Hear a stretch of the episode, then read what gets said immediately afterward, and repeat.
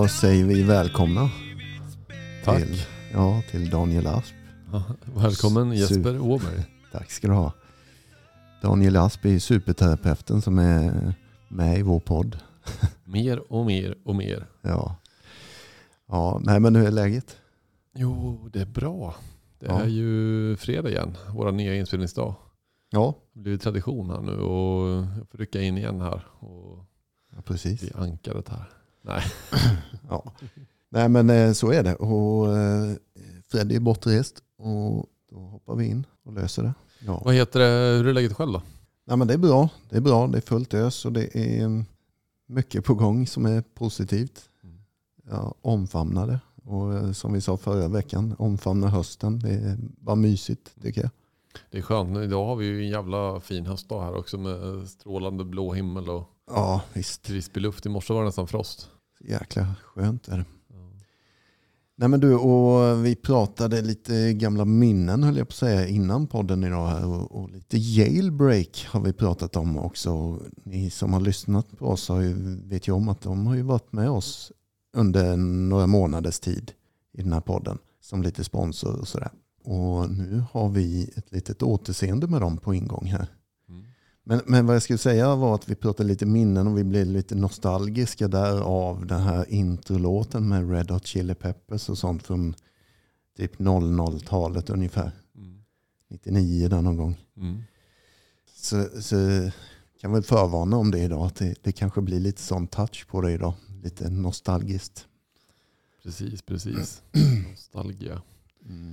Vad heter det, men eh, det vi vill egentligen nu då, om vi ska Mm. försöka utlysa någonting. Vi har, kommer ju ha en jävligt cool grej på gång nu i Oskarshamn Mm. den 28 oktober. Ihop med Jailbreak. Ihop med Jailbreak i Oskarshamn. Då. Eh, så det vi utlyser nu är att ni som lyssnar på oss, som är våra tro, kär, tro, vad heter det? Ja, trogna. Trotjänast, trotjänaste Ja. tittarna. Eh, lyssnarna blir det ju. Vi gör ju fan inte tv. Det är radio vi sysslar med. ja, Podd, som det heter. Det är modernt. precis. precis. Eh, som sagt, vi vill ju ha in er, våra trognaste lyssnare, Ja, eh, till Oskarshamn den 28 oktober.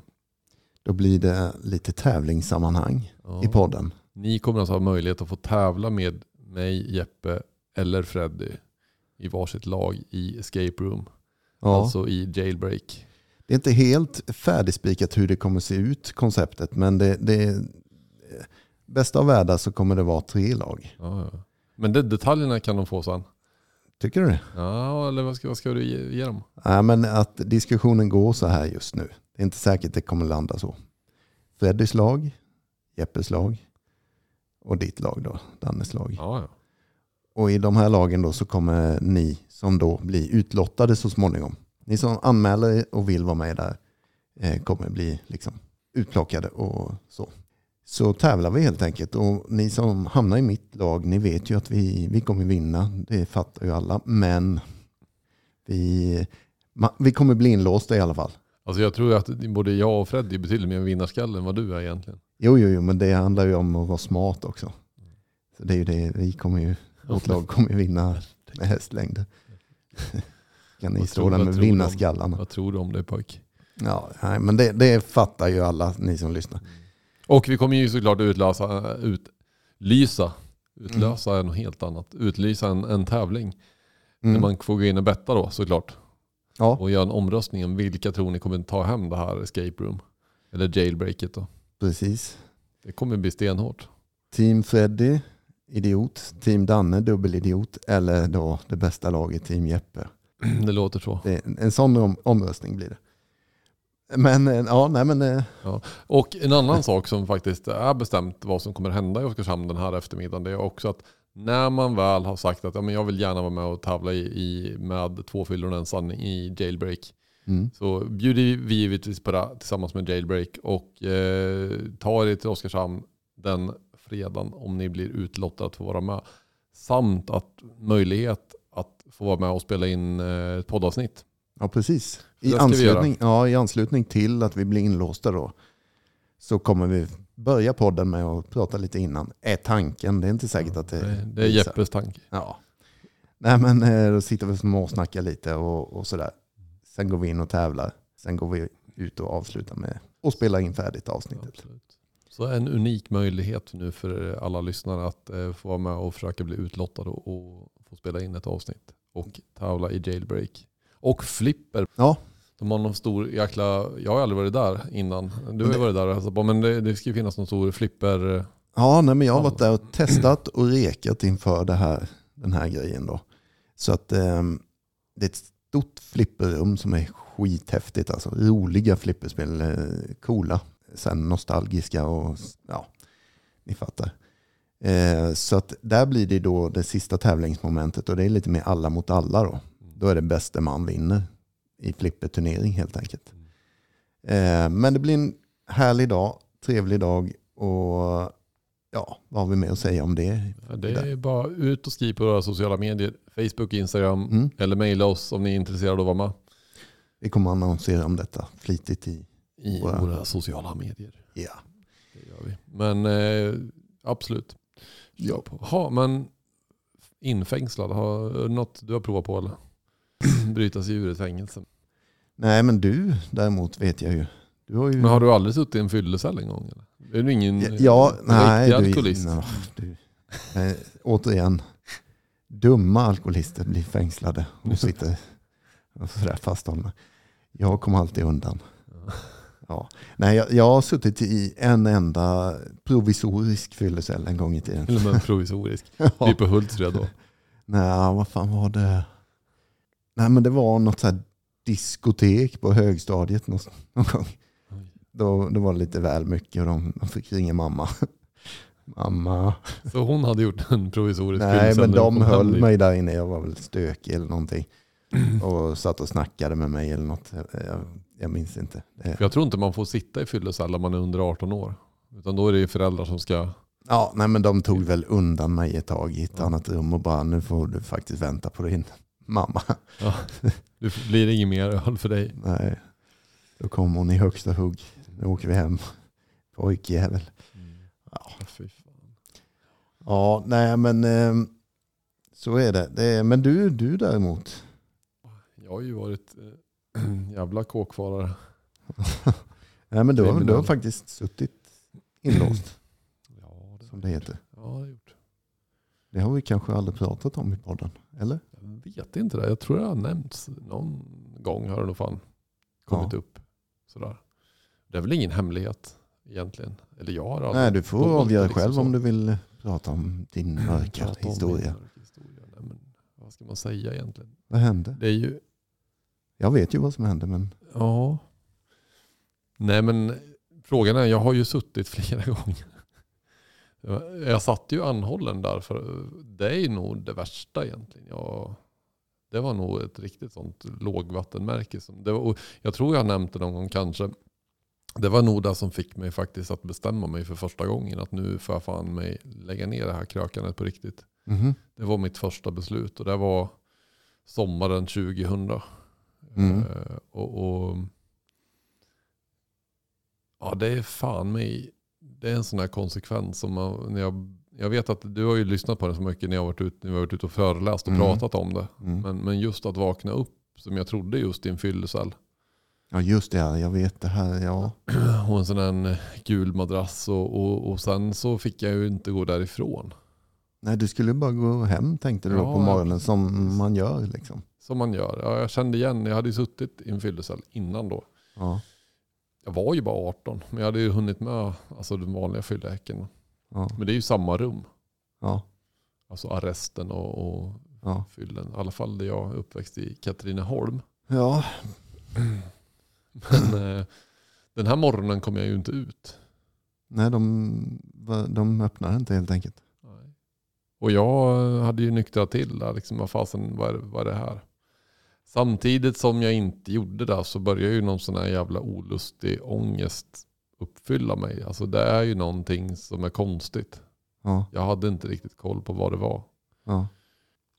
Och då visade det sig att jag hade varit sen på, jag fick ju hamna i förhör och jag blev tilldelad en advokat och sådana grejer. Jag var ju i stort sett i chock den här första dagen när jag vaknar upp där. Och, eh, sen börjar ju någonstans, som det ofta kanske gör med minnesluckor, att små fragment börjar liksom ticka fram. Ja. Och jag börjar liksom försöka komma ihåg, vi var på den krogen och jag var med den personerna. Och, och, så den här kvällen slutade med att vi hamnade i en lägenhet. Mm. Eh, där det blev bråk. Mm. Eh, och jag är ju en person också som, jag har ju aldrig varit aggressiv. Och du som har känt mig länge nu, även fast du aldrig sett mig kröka, så jag är ju jag är, jag är skitdålig på att slåss för det första. Jag var alltid den som drog mig undan så här på stan om det var bråk någonstans. Mm. Där, men jag går åt ett annat håll. Mm. Även om jag varit lång och bra räckvidd så tänker nog folk att ja, men där ska man nog, men jag är ju pissdålig på sånt här. Så jag, jag är rätt feg av mig egentligen. Eh, Men den här kvällen så hamnade jag om polare då. Vi hamnade i en lägenhet sent. Det var väl någon efterfest, jag minns ingenting. Mm. Eh, utan det är väl delvis fragment som har kommit i efterhand så, av, av saker. Men, men det blir ju någon form av, av misshandelssituation där, där jag var delaktig. Jag ska inte, liksom inte skylla över, eh, eh, även om jag var minst delaktig, eh, Mm. vilket sen eh, själva rättegången sen då bevisade då att eh, vem som hade gjort lite vad. Mm. Men, men ehm, jag ska inte skylla ifrån mig så. Jag får ta på mig en del av det som Mm. det var.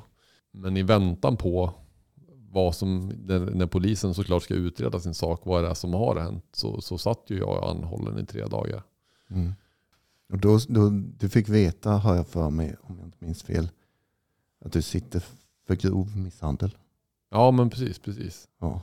Och, den, och den ångestklumpen jag kan tänka mig då när man vaknar och inte riktigt fattar varför får jag inte komma ut. Mm. När du inte ens minns vad som hände. Nej. Lite fragment Ja. typ. Och just den här ångesten, skammen över att, fan, alltså jag gör ju inte sådana saker.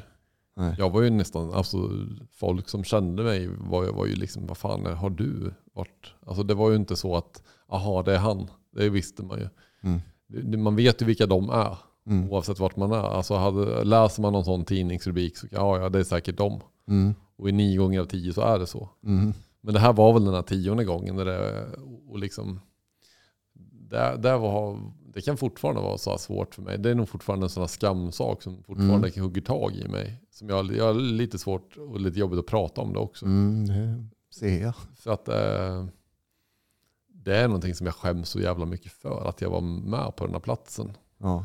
Även om jag sen liksom, ja, men det blev bevisat, jag var inte den drivande eller gjorde de värsta sakerna i den där situationen. Men, men jag var på platsen, jag deltog jag var pissfull. Och någonstans är det ju, utan att jag ska skylla på fyllan, men det är ju liksom exakt det här som händer när Ja. alkoholismen utvecklas. Jag var fan bara 18 år, men jag hade ju supit ett antal år. Ja. Att jag glider längre och längre och längre ifrån mina värderingar. ja. Gränserna gör- förflyttas hela- ja, hela tiden. Och, jag, och jag, jag, jag hamnar i de här situationerna. ja. Eh, Jag känner igen mig. Eller så är det ju för oss. Ja, det, är- det är så jävla tragiskt. Ja. Men, men alltså de här tre dygnen som det blev är ju... Jag har nog aldrig mått så psykiskt dåligt som jag gjorde de tre nätterna. För jag vågade ju inte... ja du satt anhållen i tre nätter då? Ja, precis. Och sen så hade väl de fått tillräckligt med information, sen släpptes jag.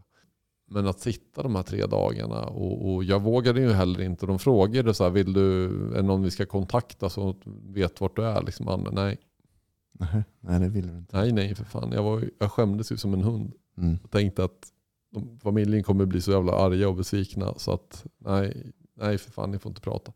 Så det var ju ingen som visste vart jag var. Mhm. Jag bodde ju hemma. Det här Som man, som man gör när man Ja. är 18. Ja. Utan det- min säng låg ju tom. Liksom. Mm. Sen har jag ju förstått i efterhand att eh, farsan och morsan de hade ju någonstans räknat ut. Som det hade stått i tidningen då. Ja, ja. ja, just det. Ja, ja, så de hade väl någonstans räknat ut. Även fast jag tror att det var svårt för dem att räkna ut det också. Ja. Eh, som, det har ju inte jag varit inblandad i tidigare. Nej. Aldrig efteråt heller. Men just att sitta de här tre jävla dygnen. Alltså tiden gick så sjukt långsamt. Jag kan fortfarande komma ihåg lampan hur den såg ut. En sån här Ja. fyrkantig typ lysrörsrampa med något sånt rutmönstrat eh, Ja. så här skydd ovanför. Och jag satt, kollade på de här mönstren och det var liksom, det var det, alltså rummet blev bara mindre och mindre och mindre. Mm. Och spelade upp liksom vad som hade hänt och, ja fy fan. Det, det, jag känner igen det här när man inte riktigt fattar vad det är som har hänt. Men man vet om, man har ångestklumpen att jag har gjort något jävligt dumt nu. Mm. Och sen så kommer de här fragmentminnesbilderna i huvudet. Mm. Och, och just det här tre dygn, du beskriver det rätt så. Eller jag känner igen mig väldigt mycket i det att när man pusslar ihop pusslet successivt så här, det kommer mer och mer minnen. Man börjar säga ja. Och om man inte sitter inlåst så kanske man är hemma då och ringer runt till olika polare eller sådär och bara vad fan var det som hände egentligen? Och, ja men du gjorde det här och vi gjorde så och så. här. Då börjar de här minnena. Det är så jäkla obehaglig period liksom. Mm. När det är svart i minnet och så bara får man lite fragment. Mm. Bara shit. Jag, kom, jag har fått så här liksom fragment från eh, lägenheten, från Mm. trappuppgången, liksom från alltså så här, sånt när man kommer tillbaka de här Mm. dagarna som jag låg i den här jävla ställen. Och, och när man sitter anhållen och precis, jag har aldrig varit häktad sen, för det är det som händer sen. Mm. Om man nu inte får släppas då så blir man häktad, men det blev inte jag. Men, men eh, det är ofta så att man sätts med, med restriktioner utifrån att man kan påverka en utredning då. Så man får ju liksom inte reda på någonting. Man får inte läsa några tidningar. Och, ja, det är ju tidningar vi pratar om då. För det är ju fortfarande 2000 så smartphonen var ju rätt långt borta. Ja. Men man hålls ju helt utanför. Mm. Och det är också någon så här sjuk jävla isolerande känsla som jag tror har man inte upplevt det så är det så svårt att sätta sig in i. Att, att vara helt satt på bänken. Och Ja. tappa totalt kontrollen för vad, vad, vad som händer. ja, precis. Ja men där ledde ju någonstans fram till mitt första så här. Vi brukar ju prata om det här i den här tredelade sjukdomen när man på något sätt har slagit sig. Ibland så kommer den här poletten som trillar ner och fan jag ska ju inte dricka. Nej, Det precis. är det här som händer. Nu får du fan vara nog. Det, det blir ju väldigt intensiv sån känsla kan jag tänka mig då när man sitter inlåst i tre jävla dygn. Mm. Alltså som du beskriver det, timmarna går rätt sakta alltså. Då, då blir ju det där beslutet jävligt nära till hands. Mm. Så här kan jag inte fortsätta liksom. Och sen, sen jävligt intressant och när man har perspektiv på allt som hände efteråt nu. Hur, hur sjuk en jävla beroende hjärna är också. Mm. Jag var ju nykter länge tyckte jag efter det här. Ja, I alla fall någon månad. ja, Och som vi brukar säga, alltså sanning blir lögn.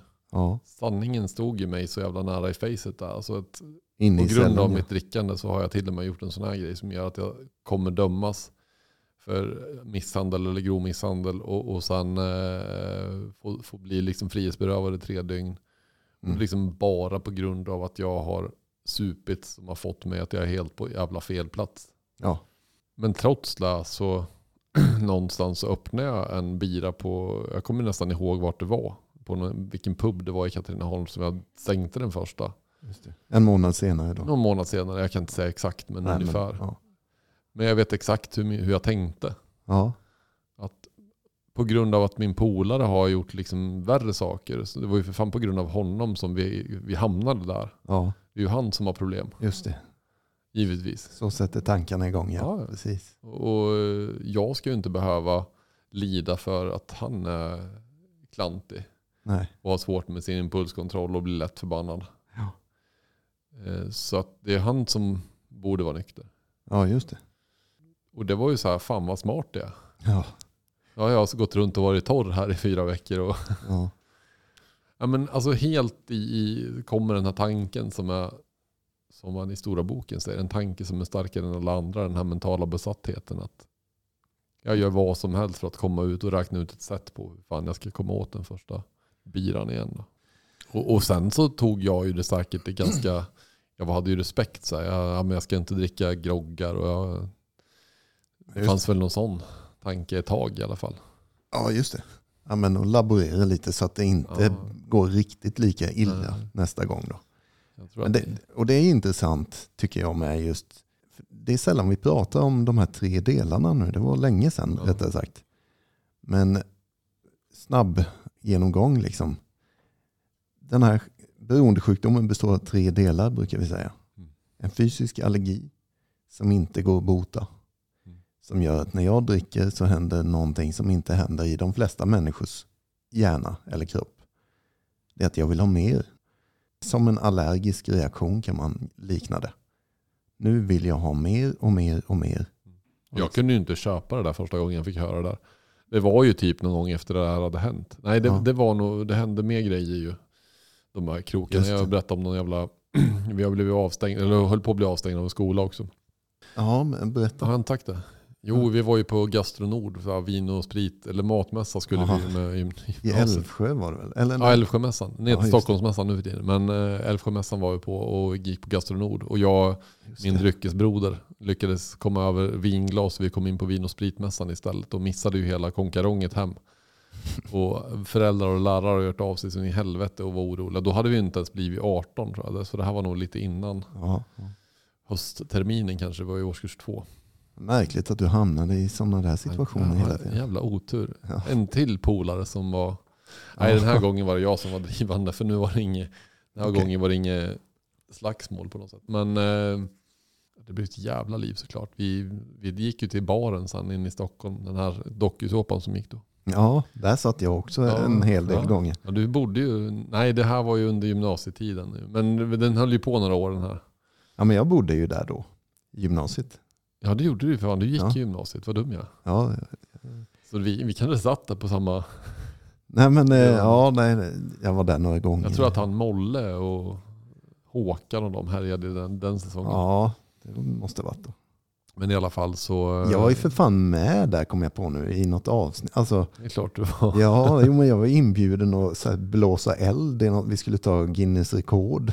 Var ju typ deras veckans uppdrag eller något sånt. Ja, ja. Så där stod jag och sprutade eld i något avsnitt. Fan, det har jag glömt bort. Förlåt, jag kör på. Våra vägar har korsats, Ja, det är det som är det- intressant. Det hade vi aldrig pratat om ens gång. Nej, fan vad skumt. Ja, Men, eh, ja, men då i alla fall, om vi ska dra, komma till det jag skulle säga, så blev ju, jag blev ju skickad då till, till SOS mm. eh, utifrån det här. Det Ja. blir ju en orosanmälan. Liksom. Vi var 17 år och, och blev kvar i Stockholm pissfulla. just Det det. var ju inte bra. Som vanligt så, lyckades man ju ändå på något sätt att snacka så att det, man inte blev avstängd. Och jag gick på något SOS-möte och då fick jag ju träffa några som första gången sa det här med allergi då. Ja, Och förklarade ja men det är en aller, allergisk reaktion. Och jag vet att jag tänkte så här, men vad fan, vadå allergisk? Jag har ju druckit så in i helvete det hände ju, och precis när jag skulle säga, det hände ju inget. Så, så bara, okej, ja, jag börjar fatta. Eller lite så. just det. Just det. För det är ju där man ofta inte fattar då om man inte har kommit i kontakt med det här. Att en allergisk reaktion så tänker alla röda utslag eller få svårt att andas eller på snuva eller rinnande ögon. Ja, just det. Eller klia. Ja. Men våran allergiska reaktion är ju som du sa innan här, sug efter mer. Mm. Det är det som händer i våran hjärna. Vilket gör då att jag har bestämt mig så många gånger att den här gången ska jag bara dricka fem öl. Mm. Sen går jag hem. Och så slutar det med, ja, jag kan inte räkna liksom hur många det blev. För att allergin Mm. tar över det. Mm. Min viljekraft finns inte längre. Det är kroppsligt begär. Ja, men du, det, ja, fortsätt förresten. De förklarade för dig. Ja men jo men och, och sådär. Och jag kunde väl någonstans, ja men det, då var jag någonstans inne på att jag skulle ta studenten. Liksom. Så jag, var ju Ja. inte någon, jag hade ju inte någon tanke om att jag ville. Nej. Jag hade nog bara fått en tanke såklart som jag sa utifrån det här som hände, att jag borde. Ja, men lite varningens finger liksom. Ja, jag någonstans hade jag bara fattat att jag har det i släkten och sådär. Och Mm. Jag har ju haft bra, det är det jag brukar säga. Fan kom det sig att du nyktrade till när du var 21 år? Och, och just på bara alkohol, det märkte vi när vi träffades i behandlingen. Det var vi var ju rätt unika som ändå, Mm. även om du har provat tillfälligt kanske lite Mm. andra saker så är du en mer renodlad alkis. Precis som jag. Ja, ja, ja. ja. Eh, och våran tredje bolag som också var, så vi var ju tre i, i ungefär samma ålder som, som någonstans Möttes där möttes där. Där tror jag var en viktig faktor att jag, jag sitter här idag i alla fall. Ja, det är samma. Det var så här konst, jag tror att det är rätt unikt att tre stycken i en så liten stad som Kalmar och träffas Mm. eh, i, samma ålder så unga. Då. Men, Och har fått nog alltså. ja exakt. Vill Vi- något annat. Vi var slagna ner i gatan. Men det hände ju som det har ju hänt saker eh, efter den här tiden då när jag pratar om misshandel och, och skoläventyret. Men, men det har jag tagit i andra avsnitt. Men någonstans eh, jag skulle komma till är ju att ju det är förbannat intressant att, studera den här tanken som när, alltså sanning blir till den här lögnen igen. Alltså. Mm. Att helt plötsligt så, så- bara kör man inne i, så man inne i det igen. Mm. Och som du sa, fysisk allergin gör att de här, ja, men jag kan ju dricka ett par öl men det slutar ju inte där. Nej. Och, eh, vi kan väl eh, dra vidare med de andra delarna i sjukdomen. Men innan vi gör det så här, vi ska ha lite nostalgisk känsla då tänker jag runt den tiden. Baren. TV3 var det va? TV3 var det. Ja. Ja.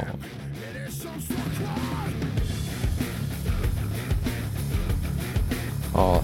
Det här, eh, det här har man ju festat till. ja, det har hänt.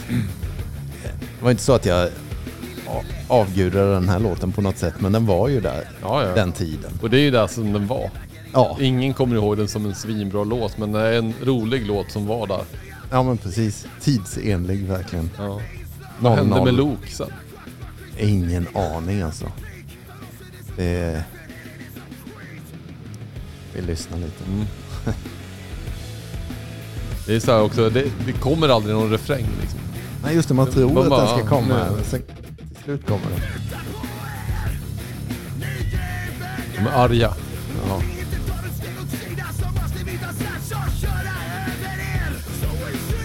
Vad handlar den om? Vet du det? Jag ska fram, jag har ingen aning. Nu kommer det.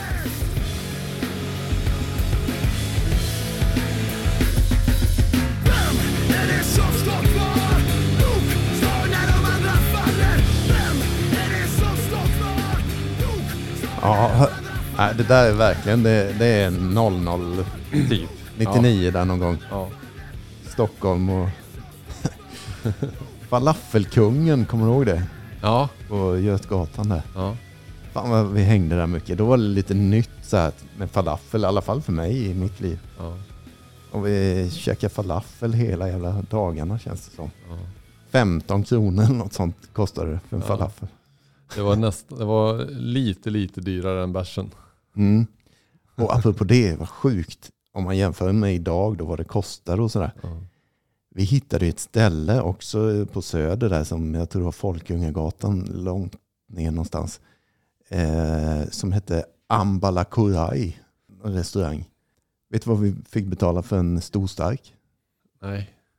Först när vi hittade det där, ett skitställe, alltså ett jävla sunkigt tak. Typ ingen gäst där, så vi bara, men vi går in här, jag och en polare. Adam har du träffat.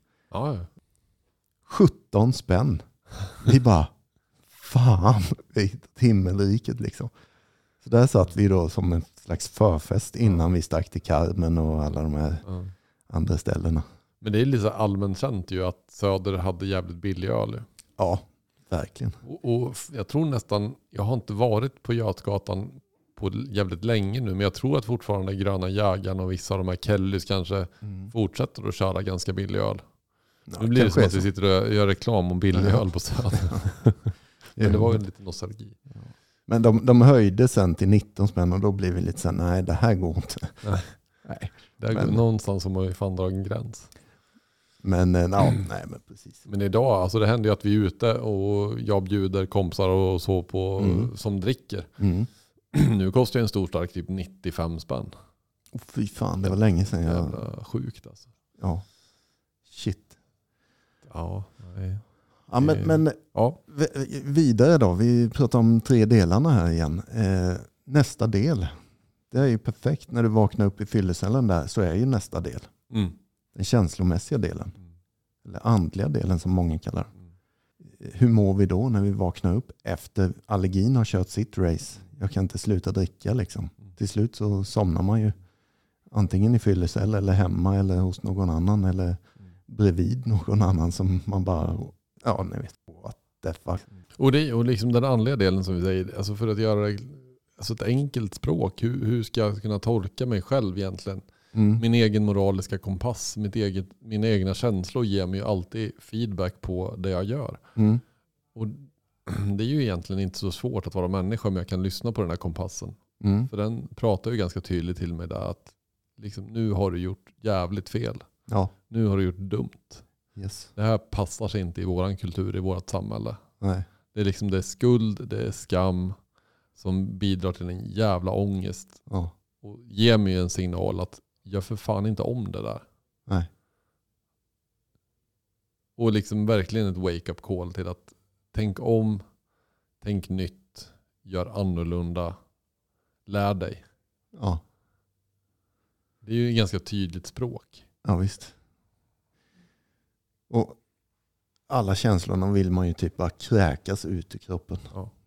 en sån morgon. Så, så de känslorna är ju inte fel. Många tänker att det är, usch, vi ska bort med ångest, vi ska bort med skam och, och Mm. sånt skit. Men de är ju jätteviktiga för mig. Verkligen, de är där för att signalera. Det här är inte rätt. Rä- Rädda mig liksom. För Ja. om jag inte skulle ha den funktionen. Vissa har ju, avsaknar ju lite sånt ju. Ja. De klarar ju sig inte i samhället speciellt bra.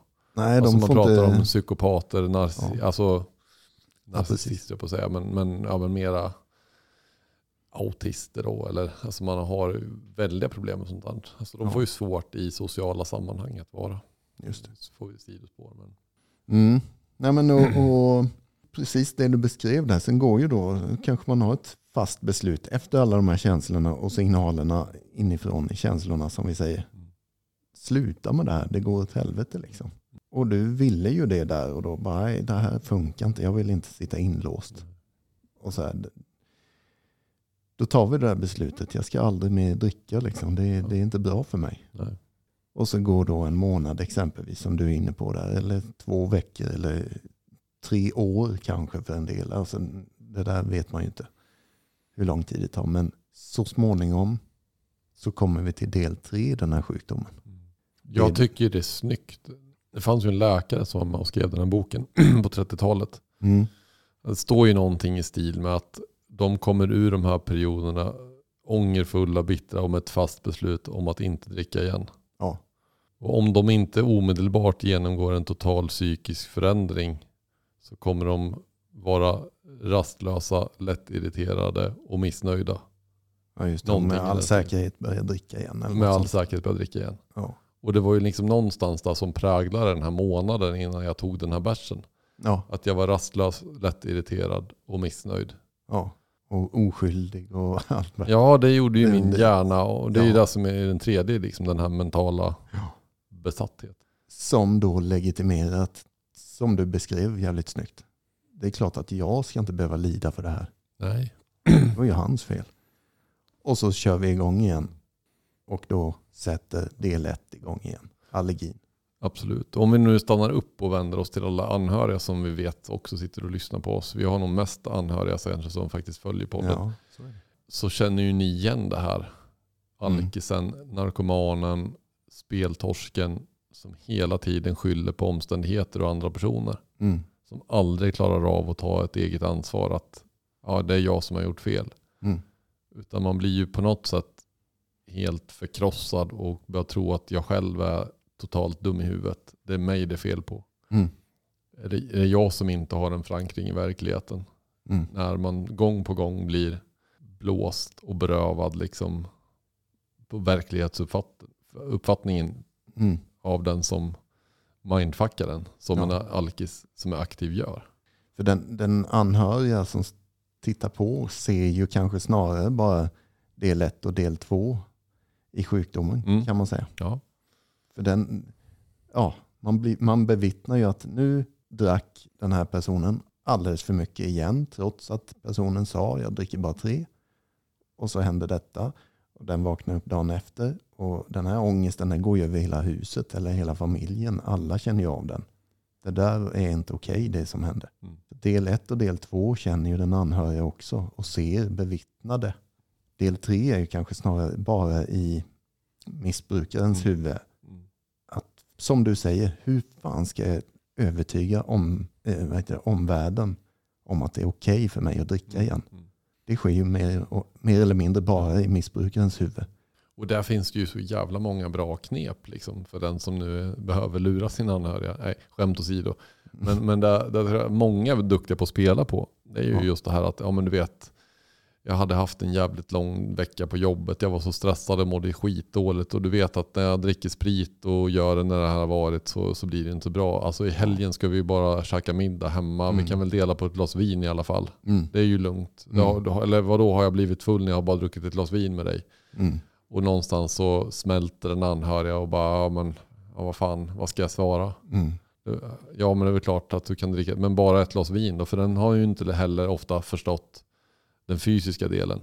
Att det är faktiskt en allergi. Nej, Utan nej, den, den förstår tänker- inte det. Den, Nej, den ser förstår bara den. det. Den ser det gång på gång. Men den har inte liksom lärt sig att det är en fysisk allergi. Utan den tänker bara att ja ja, Mm. han måste väl bara kunna, eller hon, Mm. bara dricka ett eller två. Ja. och bara skit i det sen. Grejen är ju den att ofta har ju då den här alkisen som har sagt att vi, ja, men ett glas vin till middagen. Det blir, förmodligen har den liksom druckit tre glas i smyg. Innan, Innan middagen. middagen. Ja, visst. Precis. Och sen när den går ut i köket och fyller på så sveper den ett glas i boxen och sen fyller upp ett till så ser det ut som att han har bara fyllt på ett halvt glas till. Då. Ja, Alltså det här smygdrickandet. det går fort i manipulationen och lögnerna där. Och sen sitter de anhöriga och undrar liksom hur fan kunde han bli så full på två glas? Mm. Han har nog druckit sju glas. Ja. Det är spännande och ja, det var ett tag sedan vi gick igenom den där. ja, och jag tänkte på det som jag sa där, att del 1 och del 2 bevittnar ju den anhöriga, men jag sa inte att den anhöriga inte drabbas av del 3. För det gör den ju. Ja. Det är ju det vi nu sa här, liksom att man köper den där lögnen Mm. som är i del 3. Den mentala besattheten. Hur ska jag göra för att få dricka igen? Eller knarka igen? Mm. Eller spela igen? Mm. Eller vad det nu är. Mm. Jo, jag får säga så här till min omgivning. Och de köper det. Mm. Så att eh, alla tre delarna drabbar ju hela familjen kan man ju också Mm. säga. Ja. Så vi skiljer på orden. Ja, nej, fy fan. Men det var ju någonstans sen på, jag skulle ju, anledningen till att jag faktiskt fick fängelse sen. Mm. Ja, det hade inte med senare. det här, de här grejerna Jo, det har ju på sätt och vis. För eftersom jag dömdes där, jag fick ju faktiskt ha fotboja. Men som tur är så hade jag fotboja en månad då på våren. Jag skulle ta studenten. Mm. Men jag hann ju boja om. Slående nog en månad, förstår jag nu. Ja, Att du höll dig nykter i en månad. Vad stort. Ja, då, då var jag, ja, ja, ja, ja. Då var jag ju tvungen. Då kom de och testade den. Då Vilken hade jag ju en fotboja. Mm. Och det här var ju, då gick jag ju fortfarande i skolan. Mm. Och jag fick det ju ganska bra. Jag fick åka och träna fotboll och jag grejade. Men det bästa av allt var att den klipptes av typ i början på april. Jaha. Så att jag kunde ju få med hela studentmånaden sen. Ja, just det. Ladda på. Och uteserveringarna kommer ungefär då också. Ja, det var perfekt. Ja. Det var bra planerat. Men sen så gjorde jag ju en dum grej till sen. Mhm. Och det har jag berättat om i podden. När jag åkte, flyttade till Kalmar sommaren 2003. Och- Återigen, i, som jag minns det, i ett slags beslut att om jag flyttar till Kalmar och byter stad, kommer bort från alla de här Mm. dåliga vännerna, Ja, så kommer det bli bra. absolut. Det var ju inte mitt fel. Det var ju staden. Just det. Katrineholm. Ja. Alla gamla polare. Alltså det var ju, fan ska man göra om man inte dricker sprit där? Jag kan till, tillägga att jag har gjort precis samma sak. Mm. Jag flyttade till Stockholm från Högsby för att jag började skämmas eh, över mitt beteende, eller hur jag höll på. Ja, Stockholm skulle vara räddningen för mig. Och sen fyra, fem år senare så var det Stockholm det var fel på Mm. helt plötsligt. Så då flyttade jag hem igen. Så här det går till. Liksom. Ja, exakt. Och det var ju massa andra saker som hände innan för min del också. Det har vi pratat om. Jag Mm. flyttade till Stockholm också för att jag skulle börja jobba som bartender. Och Mm. Jag slutade jobba som bartender för jag tänkte att det var det som var felet. Och sen eh, Mm. så tänkte jag att jag behöver ju en tjej och familj och sen gjorde jag det. Och, men det, det var ju typ då. Jag flyttade till Kalmar sen. Ja. Alltså med en ny familj, barn, eh, ny stad. Alltså starta om. Mm. Jag hade nog fan hunnit bott här i tre veckor. Så skulle jag upp och gå på fotboll i Stockholm och fira en polare som fyllde 20. Han var nere hos mig och hälsade på för ett par veckor sedan bara. Mhm. Fantastisk barndomsvän. Tack för att du finns. Vi har lite kontakt igen, det är kul. Så vi Mm. pratade faktiskt lite om det här då för några veckor sedan. Mm. Eh, Jag körde ju bil då efter fotbollen ut till den här festen. Mm. Jag körde bil från festen in till stan. Mm. Jag körde bil från stadshotellet vi var och söp på då, Mm. till McDonalds-parkeringen. Och det var där sen polisen kom in på McDonalds och tog mig. För då hade ju vittnen ringt och sagt att jag hade kört bil dit. Mm. Och jag skulle inte alls köra bil. Jag hade ju 2,17 eller 2,27 eller vad fan det var. Promille. Oj. Det är grov rattfylla. Eller? Ja, det går vid ett. Ja. Du sa ju innan att jag var en dubbelidiot. ja, precis. Och det var jag ju. Alltså det är ju totalt hjärndött. Alltså jag riskerade ju framförallt andras liv. Mm. Eh, Mitt var ju inte det viktigaste, men eh, mitt eget såklart. För, att bli, för att bli lite eh, korrekt terapeut här nu då. Så kliver jag in och säger du var ingen dubbelidiot. Du var sjuk. Ja, tack. Så är det ju. Absolut. Det var ju någonstans den progressiva sjukdomen som hade någonstans eskalerat hela det här paketet. Mm. Så när jag, jag tappade ju mer och mer liksom förankring till den jag var, vad jag tyckte och vad jag tänkte. Alltså det var ju inte så att jag hade någonstans förskjutit mina värderingar. Jag hade ju mina värderingar kvar. Men när Mm. jag väl blev full så tappade jag dem. Mm. Därav också ännu mera skam. Ja. Återigen så vaknade jag upp i den här jävla fyllecellen. Och återigen trodde att jag skulle gå därifrån för jag hade inte alls någon minne av att de hade tagit kortet. Nej, just Så det. det här upprepar ju sig på samma polisstation. Sen några år innan då. Mm. Och det är ju där någonstans som leder fram till att jag kan inte få fotboja igen. För det har inte gått tillräckligt lång tid emellan. Nähä, Så okej. det, det behö- det, då finns det liksom bara, då hade de också börjat som praxis att alla grova rattfyllor måste dömas till minst en månads fängelse. Mm.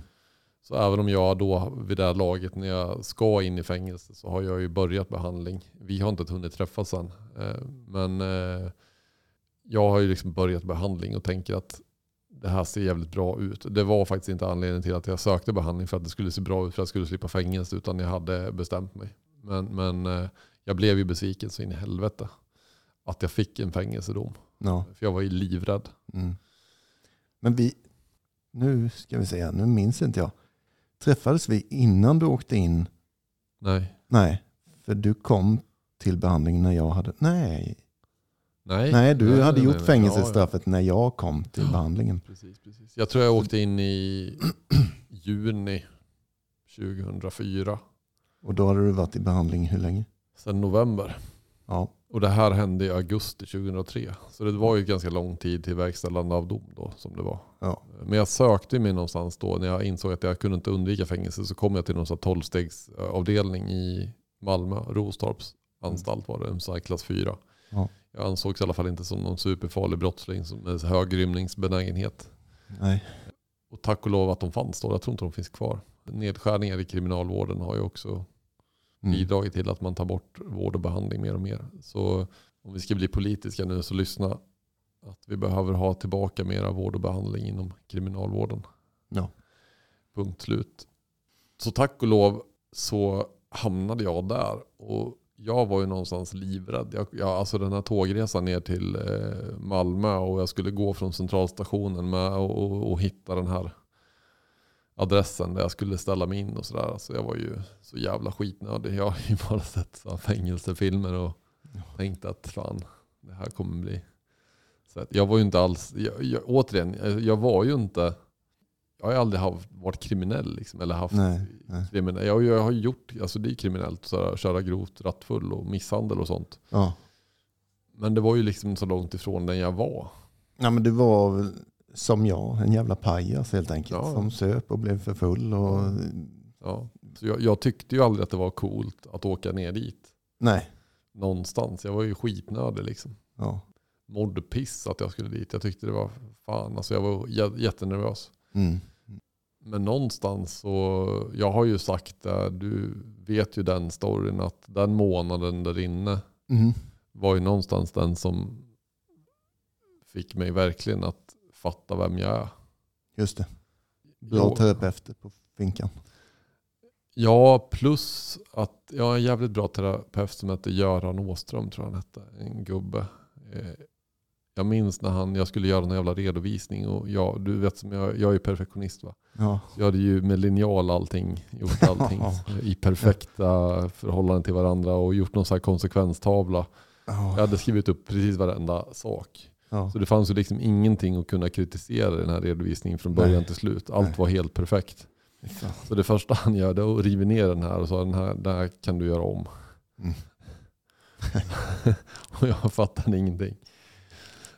Och, och det var ju liksom mitt sätt att försöka skydda mig själv. Att göra allting så jävla perfekt så ingen Mm. kan säga någonting. För jag var livrädd att få kritik. Mm.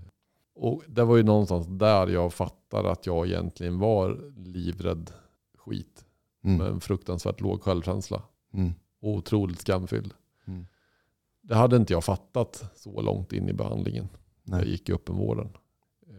Jag hade inte fått, förstått så jävla mycket om mig själv mer än att jag var tvungen att sluta dricka. Och jag hade någonstans ändå börjat mått lite bättre så att jag inte var sugen att dricka. Mm. Men, men det var ju det här som någonstans gav mig en aha-upplevelse. För att jag brukar säga att när jag åkte in på fängelse så var jag rädd för ormar. Och när jag åkte ut därifrån så var jag rädd för allt. Ja.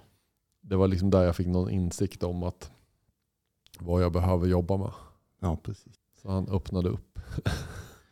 Du, jag, jag har ett litet klipp dagen till ära och, och vi pratar ju om jailbreak och vi pratar om ditt fängelse och det, allt det här. Men eh, och det här är ett kärt återseende från en som vi har haft med förut i podden. Eh, Rubin Hurricane Carter då. Eh, från filmen The Hurricane. Favoritfilm till mig. Som har hjälpt mig mycket. Och här sitter då Hurricane bakom galler och Lesra ger honom kaffe innan rättegången. Lesra är den här pojken då som har Mm. Hjälpt honom. Och Lesra kommer från en alkoholistfamilj. Come a long way, little brother. Look, Rub, I just want you to know if this doesn't work, I'm busting you out of here. You are. Yeah, that's right. Busting you out of here. What was the first book you ever Yours. You think that was an accident? No. No, me neither. Lesber, short for Lazarus. He who is risen from the dead. Reuben. Genesis chapter 29, verse 32. Behold a those two together, Lesber, and you have behold a son who is risen from the dead. That's no accident.